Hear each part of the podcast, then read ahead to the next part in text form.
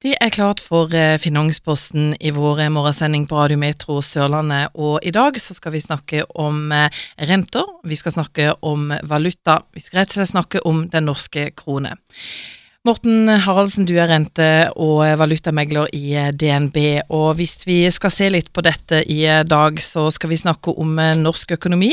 Norsk økonomi går godt, sysselsettinga er sterk, arbeidsleden er rekordlav, eiendomsprisene er gode, og vekst og verdiskapning i Norge er på solide nivåer. Men likevel så svekkes krona, og du må forklare hvorfor. Hovedgrunnen til at krona har svekka seg så mye den siste tida, er jo denne opptrappinga av handelskonflikten mellom USA og Kina. Den har vi jo vært her på radioen og prata om flere ganger, og den går jo også igjen i, i media om dagen. Eh, men den treffer krona på to måter, egentlig. Den ene kanalen det er jo det at oljeprisen har svekka seg mye pga. frykten for denne globale veksten skal svekke seg ytterligere grunnet denne konflikten som pågår mellom Kina og USA. Så når oljeprisen faller, så har det ofte en negativ effekt på kursen på norsk krone. Den andre kanalen handelskrigen treffer krona på, er at den generelle stevninga i finansmarkedene blir dårlig. Risikoappetitten faller, og det fører til at investorene søker trygge havner. Vi har sett at aksjemarkedene faller, rentene faller, og sykliske råvarer faller, sånn som oljeprisen, som, som falt jo godt under 60 dollar fatet. Um, I valutamarkedet da, så, så, kjøper da investorene typisk sveitserfrangen. De kjøper japanske yen, de kjøper amerikanske dollar. Og så selger de heller ut mer eksotiske valutaer. Og da kommer det. Krona er en liten valuta, den svinger mye, og da blir den sett på som en risikabel eh, valuta. Og når det er uro og nervøsitet som preger markedene sånn som nå, så selges den ned. Og Det har jo ført til at vi ser at eh, euro nok nå handles på titallet, og, og, og, dollaren eh, nærmer seg ni kroner. Så bare fra juni så innebærer det en svekkelse på 40 øre something, eh, og det er veldig mye på, på så kort tid. Men for eh, dermed, hva betyr det at eh, krona er blitt eh, så svak? Um, det er jo uh, korte og, og lange eh, synergier av det, Eh, men vi kan jo se det på for oss som har tilbrakt sommeren i utlandet. Så kommer vi hjem nå og ser at regninga har blitt en god del dyrere. vi har rett og slett betalt mer i og med at krona har svekka seg så mye. Så må man også huske på det nå, nå sykla jeg gjennom byen her og så det at studentene har kommet til byen.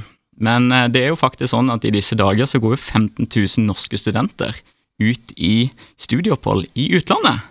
Og disse også vil jo få, få mindre å rutte med eh, når de får mindre for kronepengene sine, som kommer i form av stipend og, og lån.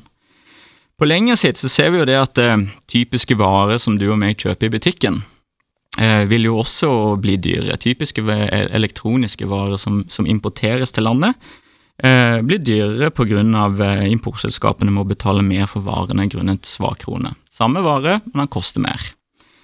Og så ser vi også på, på næringslivet, eh, og spesielt på importindustrien. Eh, de vil oppleve å få iallfall midlertidig pressa marginer. Eh, Pga. kostnadene pga. valuta øker jo stort sett over natta. Mens det tar jo tid før de på en måte kan justere prisene ut til kunde. Du, ehm, dette rentemarkedet, det sier du også faller med økt usikkerhet globalt. Hva eh, mener du med det?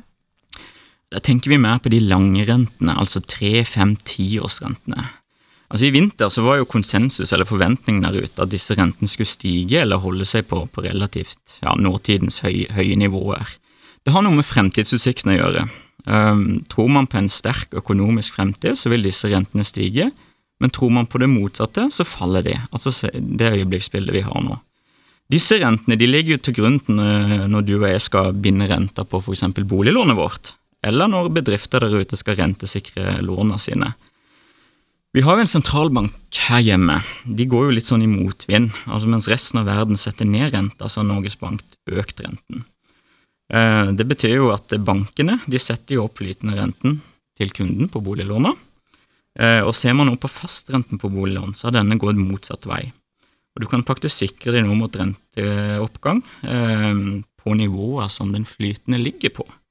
Det må vi faktisk tilbake til 2016 for å finne så lave sikringsnivåer som, som vi har nå. Men er det sånn at vi nå skal binde renta? Eh, jeg tror ikke dette er et fora for, å, for at vi skal gi råd på det, men, men vi, vi, kan jo si det at vi tror ikke på en galopperende vente. Eh, her må rett og slett hver og en se hva som passer sin økonomi. og her er egentlig anbefalingen det at om du er privatperson eller, eller bedrift, så ta kontakt med banken og, og ta en prat. Norges Bank har rentemøte senere i dag. Hva tror du blir utfallet av det? Der tror vi ikke på de store utslagene. Eh, vi tror at styringsrenten vil holdes på 1,25. Eh, Norges Bank har jo tidligere antyda økning i september. Eh, de sa vel i junimøtet at det var 50% sannsynlighet for at de kom til å øke den. Så det blir jo spennende å se om den siste tids uro globalt vil ha noen betydning for, for Norges Bank rentesettelse.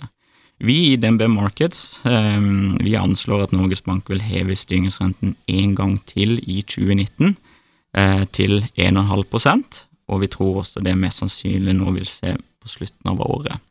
Men eh, vi kommer med nye prognoser neste uke, 22. august, uh, så det kan jo være at vårt syn vil endre seg.